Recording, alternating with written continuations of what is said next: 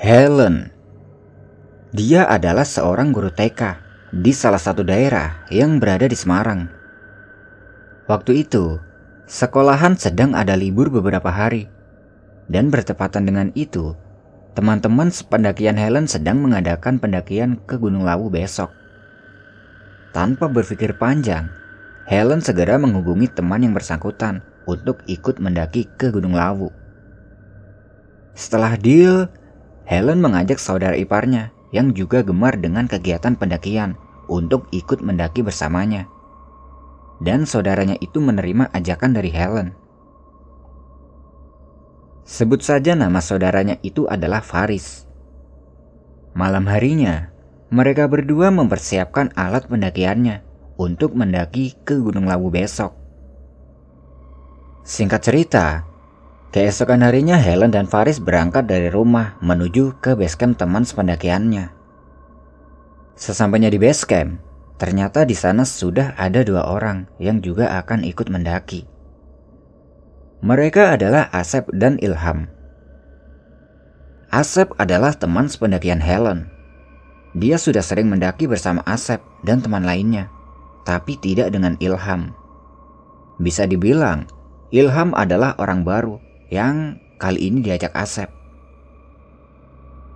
Setelah ngobrol panjang lebar dan saling berkenalan dengan Ilham, siang itu mereka berangkat dari basecamp di Semarang menuju ke basecamp Gunung Lawu via Cemorosewu dengan menggunakan motor.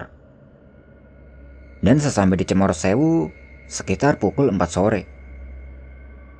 Sesampai di basecamp itu mereka langsung memarkirkan kendaraan. Dan sore itu, suasana di Cemorosewu sangat ramai oleh pendaki. Setelah selesai memarkirkan kendaraan, mereka menuju ke warung dekat tempat parkir untuk makan dan ngopi. Sementara Helen, Faris, dan Ilham sedang santai-santai dan ngopi, Asep pergi ke pos pendaftaran untuk mengurus simaksi. Setelah selesai, Asep datang ke warung dan bergabung dengan mereka bertiga. Di warung itu Asep memberikan instruksi ke teman-temannya tentang medan yang akan ditempuh untuk mencapai puncak Gunung Lawu. Karena Aseplah yang lebih berpengalaman di dunia pendakian di sisi lain, Asep juga sudah sering mendaki ke Gunung Lawu, terutama via Cemorosewu ini. Setelah cukup lama berbincang-bincang, tidak terasa hari sudah mulai gelap dan mereka berjalan menuju ke camp area yang letaknya tidak jauh dari pos pendaftaran. Di perjalanan menuju ke camp area itu, Helen ditawari penjual makanan keliling. Dia adalah seorang nenek yang tidak terlalu tua karena waktu itu Helen sudah kenyang, jadi dia menolak tawaran dari penjual itu. Dan dia terus berjalan menuju ke camp area. Sesampai di camp area, mereka ngecamp dan berencana mulai mendaki besok. Karena di sisi lain, sore itu kondisi mereka lumayan capek setelah menempuh perjalanan kurang lebih 3 jam dari Semarang menuju ke Cemorosewu tadi. Malam semakin larut Malam itu mereka menikmati suasana dinginnya malam di Cemorosewu. Mereka membuat kopi dan dinikmatinya di depan tenda hingga larut malam. Karena malam sudah semakin larut dan mengingat besok mereka akan melakukan perjalanan. Jadi malam itu Asep meminta mereka semua untuk istirahat dan tidur. Ketika sedang tidur, Helen bermimpi sedikit aneh dia seperti berada di sebuah kampung. Dan di kampung itu, dia bertemu dengan sosok kakek tua yang sedang berjualan bunga di pinggir jalan. Dan bunga yang dijual kakek itu bukan bunga biasa, melainkan bunga melati campur dengan bunga kantil. Mirip dengan bunga yang biasa dipakai kalau ada orang meninggal. Helen pun berjalan mendekati kakek itu. Sesampainya di situ, Kakek itu mengucapkan sesuatu pada Helen. Kamu sepertinya bukan orang sini ya? Iya kek, saya dari Semarang. Kamu di sini ngapain? Mendengar pertanyaan dari kakek itu, Helen berpikir. Dia bingung karena dia tidak tahu ke mana dan kenapa dia bisa sampai di sini. Ketika sedang memikirkan soal itu, tiba-tiba ada suara yang memanggil-manggil namanya. Ellen? Mbak, bangun mbak. Udah pagi. Dan Helen pun terbangun dari tidurnya bersama datangnya pagi. Setelah bangun itu, Helen tidak begitu memikirkan tentang mimpinya tadi. Dia menganggap itu hanyalah bunga tidur. Dia segera menuju ke toilet untuk membasuh muka. Sementara teman-teman yang lainnya, mereka sedang sibuk membuat sarapan di depan tenda. Ketika kembali dari toilet, Helen menjumpai seorang nenek yang tidak begitu tua. Dia sedang berjualan gorengan keliling. Karena merasa perutnya lapar, dia membeli gorengan dari nenek itu dan membungkusnya untuk dimakan bareng teman-temannya. Setelah membeli gorengan itu, Helen pun berjalan kembali ke tenda. Sesampainya di tenda, mereka memberikan gorengan itu ke teman-temannya dan disantap sambil menunggu makanan yang belum matang. Singkat cerita, setelah selesai sarapan, mereka berkemas dan sekitar pukul 9 pagi, mereka mulai melakukan perjalanan. Mereka berjalan dengan sangat santai. Sambil berjalan, mereka bercanda satu sama lain. Hingga tidak terasa, sampailah mereka di pos 1. Di pos 1 itu, mereka istirahat sebentar untuk menyapa rombongan pendaki lainnya yang juga sedang istirahat. 15 menit kemudian, mereka lanjut berjalan lagi. Lanjut berjalan. Di perjalanan menuju ke pos 2 itu, Tiba-tiba Helen mencium bau yang aneh, yaitu bau wangi bunga melati. Tapi Helen tidak menghiraukannya. Dia menganggap itu adalah sesajen yang memang diletakkan oleh warga di situ. Sekitar 45 menit berjalan, akhirnya sampailah mereka di pos 2. Di situ mereka istirahat lagi untuk membasahi tenggorokan. Nah, di pos 2 itu, Helen bertemu dengan nenek penjual gorengan yang tadi dijumpainya di pos pendaftaran. Dia sedang duduk di pinggir jalur, dan nenek itu sedang berjualan di pos 2. Melihat itu, Helen mengajak teman-temannya membeli gorengan ke nenek itu dan memakannya langsung. Ketika sedang makan gorengan, Helen mencium bau wangi bunga melati yang bersumber dari nenek tersebut. Setelah kenyang makan gorengan, teman-temannya kembali ke bangunan pos untuk merokok. Sementara Helen, dia masih di situ bersama nenek penjual gorengan. Helen bercakap-cakap dengan nenek itu. Mak, tadi yang jualan gorengan di bawah ya? Tanya Helen pada penjual gorengan itu. Iya nak. Jualan sampai sini juga mak. Iya, bukan di sini aja, kadang juga sampai ke atas. Helen berkata dalam hati, Gila ini nenek, kuat banget ya jualan sampai atas. Helen pun berpamitan dengan nenek penjual gorengan itu. Ya udah ya mak, saya ke sana dulu. Semoga dagangannya laris. Helen kembali ke teman-temannya, ke bangunan pos. Tidak lama kemudian, mereka lanjut berjalan lagi. Di tengah-tengah perjalanan menuju ke pos 3, mereka sempat break di pinggir jalur untuk membuat kopi dan makan makanan ringan. Singkat cerita, sampailah mereka di pos 3. Sesampai di situ mereka istirahat di bangunan pos 3. Ketika sedang istirahat itu, dari kejauhan, Helen melihat nenek penjual gorengan tadi. Melihat itu Helen berpikir. Loh, itu kan nenek tadi. Kok cepet banget ya bisa nyampe sini? Perasaan di perjalanan tadi aku gak merasa didahului loh. Muncullah sedikit rasa penasaran terhadap nenek itu. Tapi Helen mengabaikannya. Dia menganggap mungkin ketika mereka membuat kopi tadi, nenek itu mendahului dan Helen tidak melihatnya. Setelah 20 menit istirahat, mereka melanjutkan perjalanan menuju ke pos 4. Ketika akan meninggalkan pos 3, Helen menyapa nenek penjual gorengan itu. Dan nenek itu membalasnya dengan senyum kecil. Di perjalanan menuju ke 4, Helen heran tentang nenek tadi. Kok bisa cepat gitu ya jalannya nenek itu? Setelah kurang lebih satu jam berjalan, sampailah mereka di pos 4. Dan ternyata, nenek penjual gorengan itu sudah ada di pos 4. Helen semakin heran dibuatnya. Lalu dia bilang pada Faris, Faris, kamu tahu nenek ini nggak? Tahu lah mbak, memang kenapa? Itu kan nenek yang tadi di pos 2, yang kita beli gorengan. Memangnya kenapa? Kok cepat banget ya udah sampai di sini? Ya kan emang orang sini mbak. Wajar lah kalau jalanan cepet. Mereka udah terbiasa. Bukan gitu Riz.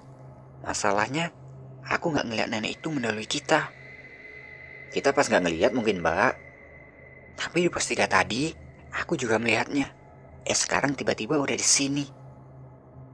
Aduh mbak, udah ah, salah orang mungkin. Meskipun Faris tidak menghiraukan perkataan Helen, tapi dalam kepalanya masih terus berpikir tentang nenek penjual gorengan itu. Karena penasaran, Helen menghampiri nenek itu untuk membeli gorengan. Sesampai di situ, Helen bilang pada nenek itu, Mak, gorengannya masih. Masih? Silahkan. Sepuluh ribu ya mak, dibungkus. Ketika nenek itu sedang membungkus gorengan yang dibeli Helen, tidak sengaja Helen mencium bau wangi bunga melati. Dan spontan, Helen melihat ke arah tas yang dibawa nenek itu. Ternyata bau wangi itu berasal dari dalam tas yang dibawa nenek itu. Yang isinya di situ adalah sebuah bungkusan bunga melati dan bunga kantil. Dalam hati Helen bilang, Oh, ternyata bau wangi itu berasal dari bunga yang dibawa nenek ini toh. Helen bertanya pada nenek itu, Mak, jualan bunga buat apa? Buat di harga dalam nanti. Sampai ke harga dalam juga mak kalau jualan. Iya, Setelah gorengan itu sudah dibungkus, Helen kembali ke teman-temannya dan membagi gorengan itu pada mereka. Setelah sudah selesai makan gorengan, mereka pun melanjutkan perjalanan. Sekitar pukul setengah enam sore, mereka sampai di pos 5. Di pos 5 mereka tidak beristirahat, karena menurut Asep, jarak antara pos 5 ke Argo Dalam itu tidak jauh. Jadi sekalian ke Argo Dalam aja, sekalian ngecamp di sana. 15 menit kemudian, sampailah mereka di area Argo Dalam. Sesampai di situ, mereka mencari tempat untuk mendirikan tenda. Setelah menemukan tempat yang dirasa nyaman, mereka mendirikan tendanya di situ. Dan lokasi tempat campnya itu jaraknya lumayan jauh dari tenda pendaki lain. Ketika tenda sudah berdiri, mereka memasak makanan andalan mereka yang sering mereka masak kalau mendaki ke gunung-gunung lain, yaitu nasi pecel. Gak ribet sih, soalnya waktu itu mereka sudah membawa bumbu pecel yang sudah jadi. Jadi tinggal merebus sayurnya doang. Setelah makan, mereka duduk di depan tenda sambil minum kopi yang tadi dibuatnya. Hingga tidak terasa, malam semakin larut. Ketika sedang asik minum kopi, Helen merasa sakit perut dan ingin buang air besar. Lalu, Helen minta tolong pada Faris untuk mengantarkannya mencari tempat untuk buang air besar. Lalu, Faris pergi mengantarkannya ke semak-semak.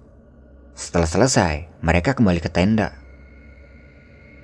Ketika berjalan kembali ke tenda itu, dari kejauhan dan di dalam kegelapan, Helen melihat ada nenek penjual gorengan yang dijumpai selama perjalanan tadi.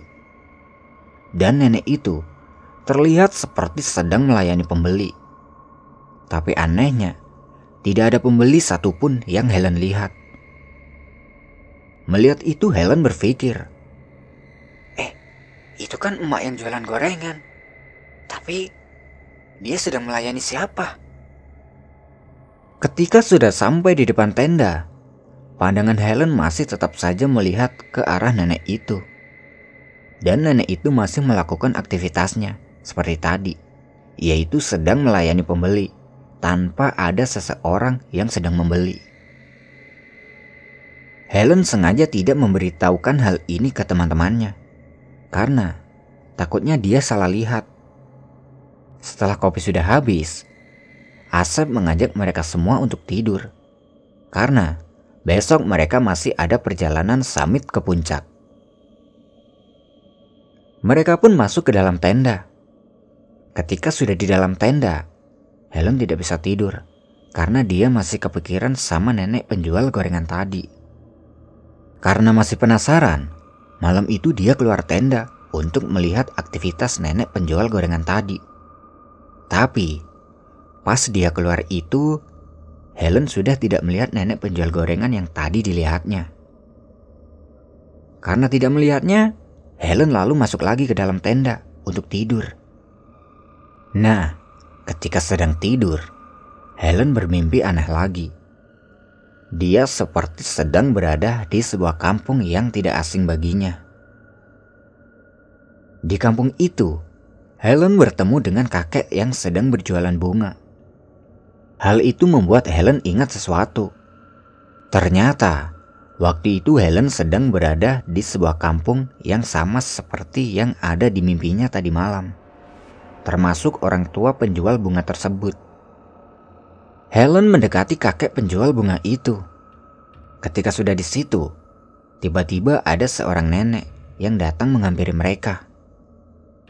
Melihat nenek itu, Helen berpikir, Kayaknya aku pernah melihat nenek ini deh. Tapi di mana ya? Helen mencoba berkomunikasi dengan nenek tersebut. Dan ketika dia akan mengucapkan pertanyaan, tiba-tiba Helen terbangun dari tidurnya. Bangunnya Helen ini rasanya aneh. Seperti ada yang membangunkannya. Tapi, pas dia bangun, tidak ada seorang pun yang terlihat membangunkannya. Karena teman-teman lainnya masih nyenyak dalam tidurnya. Ketika Helen terbangun itu, dia kepikiran tentang mimpinya tadi. Dan seketika itu juga, Helen ingat dengan nenek-nenek yang ada di dalam mimpinya itu. Ternyata nenek itu adalah nenek penjual gorengan yang dilihat Helen selama berada di Gunung Lawu ini. Helen merasa sedikit takut. Kemudian dia membangunkan Faris dan dia menceritakan tentang mimpinya itu kepada Faris. Riz, kamu ingat nggak dengan nenek penjual gorengan kemarin? Ingat mbak. Memang kenapa? Aneh Riz. Aku tadi mimpi ketemu dia loh. Oh, cuma mimpi toh. Kirain ada apa, Mbak? Tapi ini aneh, Riz. Sebelumnya aku nggak pernah kenal sama nenek itu. Tapi kenapa bisa-bisanya dia muncul di mimpiku? Bismillah aja, Mbak. Insya Allah itu cuma sekedar mimpi. Ucap Faris dengan keadaan ngantuknya. Setelah obrolan itu, Faris melihat jam tangannya. Dan ternyata Waktu itu sudah menunjukkan pukul setengah lima pagi. Lalu Faris membangunkan teman-temannya dan mengajaknya untuk bersiap-siap summit. Singkat cerita, waktu sudah menunjukkan pukul 6 pagi. Mereka pun bersiap-siap untuk summit ke puncak Argodumilah. Sekitar 30 menit berjalan, sampailah mereka di puncak Argodumilah. Di puncak, Helen merasa sangat senang karena ini adalah pendakian pertamanya dia ke Gunung Lawu. Dia mengabadikan momen dan menikmati indahnya puncak Gunung Lawu. Setelah mereka puas di puncak, mereka kembali ke Hargo Dalam. Sesampai di Hargo Dalam, mereka istirahat sebentar untuk melepas lelah sambil ngopi-ngopi di depan tenda. Ketika sedang istirahat itu, Helen mencoba mencari nenek penjual gorengan yang semalam dilihatnya. Ya siapa tahu saja dia masih berada di area sini. Tapi Helen tidak melihatnya. Mungkin dia sudah turun tadi pagi. Setelah puas beristirahat, Asep mengajak mereka untuk berkemas dan segera turun. Pos demi pos pun dilewati, dan sampailah mereka kembali di base camp pada sore hari. Sesampainya di base camp mereka beristirahat. Ketika yang lain sedang istirahat, Helen pergi ke toilet untuk bersih-bersih badan. Setelah keluar dari toilet, Helen melihat nenek penjual gorengan yang kemarin. Sepertinya dia akan berjalan naik. Melihat itu Helen berpikir, Ini kan nenek penjual gorengan semalam. Kok sekarang udah mau naik lagi? Gak capek apa? Rasa penasaran kembali muncul di pikiran Helen setelah melihat nenek itu. Lalu Helen berinisiatif untuk pergi ke penjual gorengan lainnya untuk membeli gorengan. Ketika sedang membeli gorengan sama ibu-ibu parubaya, Helen bertanya, Bu, jualan sampai atas juga ya? Enggak mbak, ibu cuma jualan di area sini aja. Ibu tahu nggak dengan nenek itu? Tanya Helen sambil menunjuk ke arah nenek itu yang sedang berjalan naik.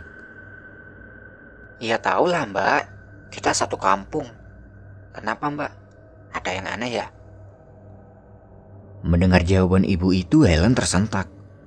Kenapa tiba-tiba ibu itu berkata seperti itu? Lalu Helen menjawab, Iya bu, kuat banget ya nenek itu. Itu sudah menjadi tugasnya mbak. Dia tidak naik sendirian, tapi ada yang mengantarkan. Dia juga tidak hanya menjual makanan pada manusia aja. Maksudnya bu? Udah jangan dipikirin, ini gorengannya. Dari percakapan itu, Helen mencoba menyimpulkannya sendiri. Apa jangan-jangan tadi malam nenek itu sedang melayani makhluk halus? Dan apa jangan-jangan neneknya nenek itu ada yang mengantarkannya? Karena setiap kali Helen ini berada di pos, dia selalu melihat ada nenek itu. Tapi entahlah, yang pasti semoga nenek itu selalu dalam perlindungan Tuhan yang Maha Esa.